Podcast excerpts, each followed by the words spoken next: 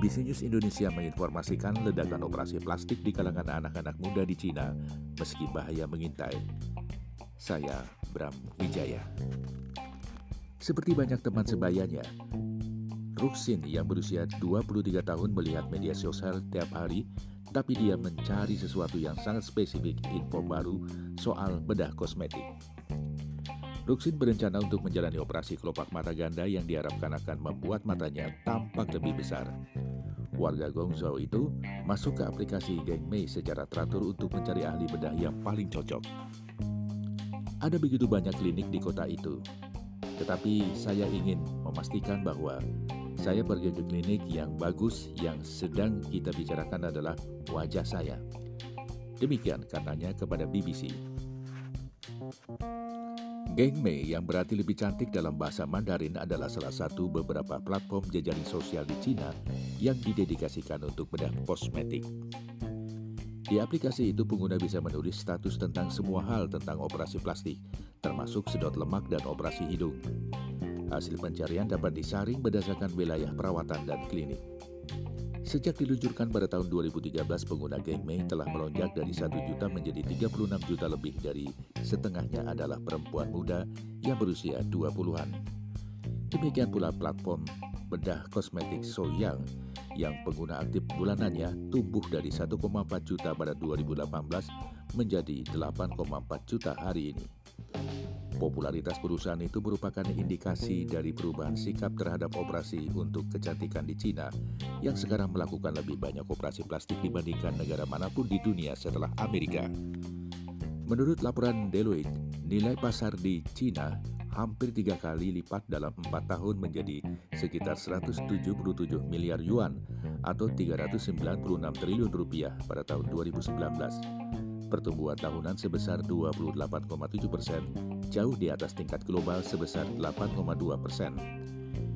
Jika ini terus berlanjut, Cina menjadi pasar bedah kosmetik terbesar di dunia pada pertengahan dekade ini. Demikian menurut The Global Times. Prosedur yang paling populer di antaranya adalah membentuk kelopak mata ganda dan garis rahang berbentuk V.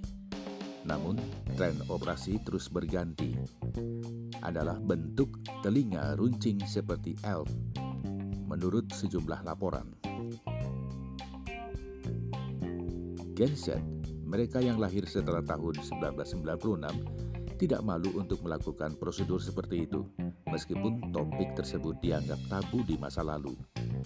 Ruksin yang bekerja di retail fashion mengatakan bahwa teman-temannya secara terbuka berbicara tentang prosedur bedah plastik. Bahkan jika orang tidak secara terbuka mengatakan mereka telah melakukan operasi, mereka tidak akan menyangkanya jika Anda bertanya kepada mereka tentang hal itu. Namun ledakan bedah kosmetik Cina datang dengan kekurangannya. Menurut laporan Global Times, negara ini mencatat lebih dari 60 ribu klinik bedah plastik tanpa izin pada tahun 2019. Klinik-klinik itu bertanggung jawab atas sekitar 40 ribu kecelakaan medis setiap tahun, yang rata-rata adalah 110 operasi yang gagal per hari. Demikian diinformasikan laporan tersebut. Dalam satu kasus paling terkenal, aktris dari Gao Liu membagikan gambarnya secara online tentang prosedur kosmetik yang membuatnya mengalami nekrosis pada hidung yang berarti jaringan di ujung hidungnya telah mati. Gauliu mengatakan dia akan membutuhkan lebih banyak operasi untuk memperbaikinya, tetapi ia telah kehilangan lebih dari 400 ribu yuan dari kontrak film. Sementara itu dokter yang merawatnya diskor selama 6 bulan dan rumah sakit didenda 49 ribu yuan. Banyak pengguna internet mengatakan hukumannya tidak cukup. Ini adalah hukuman setelah melukai seseorang. Demikian ditulis seorang yang pengguna internet seraya menuntut regulasi industri yang lebih baik. Bulan lalu, Komisi Kesehatan Nasional Cina mengumumkan kampanye yang menargetkan penyedia bedah kosmetik tanpa izin. Komisi itu juga mengatakan akan menyelidiki keluhan pelanggan dengan lebih cepat. Banyak orang di Cina sangat mementingkan penampilan dan upaya untuk menjadi cantik, mendorong tren bedah kosmetik, kata para ahli kepada BBC. Dr. Brenda Allegri, guru besar studi gender di Universitas Hong Kong, mengatakan bahwa menyesuaikan diri dengan apa yang dianggap ideal membuat seseorang lebih diinginkan, bukan hanya untuk percintaan tetapi juga untuk pekerjaan. Di Cina, pelamar kerja sering diminta untuk menyerahkan foto. Beberapa iklan juga merinci persyaratan fisik tertentu, terutama bagi perempuan, bahkan jika kriteria itu tidak diperlukan untuk melakukan pekerjaan. Laporan Human Rights Watch tahun 2018 menyoroti iklan pekerjaan seksis Cina, mengutip contoh-contoh iklan termasuk pencarian asosiat penjualan pakaian yang terlihat menyenangkan secara estetika. Ada juga iklan yang mencari kondektur kereta yang modis dan cantik. Dengan internet yang menciptakan banyak peluang kerja baru yang semuanya sangat tergantung pada penampilan seseorang. Para ahli mengatakan ada fokus baru pada penampilan lebih dari sebelumnya. Sampai batas tertentu, kecantikan dapat membawa lebih banyak peluang karir. Misalnya ada monetisasi saat live streaming atau siaran langsung dan pembuatan konten video online. Demikian kata Wakil Presiden Geng Mei, Wang Zun, kepada BBC. Geng Mei mengatakan perusahaannya hanya bekerja dengan praktisi berlisensi di platformnya. Budaya tabloid Cina juga bisa brutal. Publikasi berita sering mengkritik selebriti karena penampilan mereka.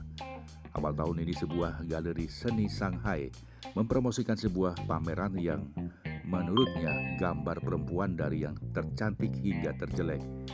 Lu Yufan, seorang fotografer yang berbasis di Beijing, sedang mengerjakan sebuah buku tentang bedah kosmetik, mengatakan kepada BBC bahwa ketika tumbuh dewasa, orang-orang akan sering berterus terang dalam hal penampilan.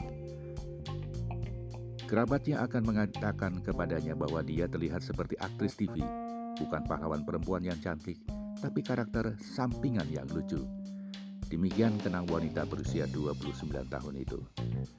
Ketika saya masih di sekolah menengah, anak laki-laki juga menyebutkan siapa yang mereka pikir sebagai perempuan yang paling jelek di kelas. Mereka bilang saya nomor 5.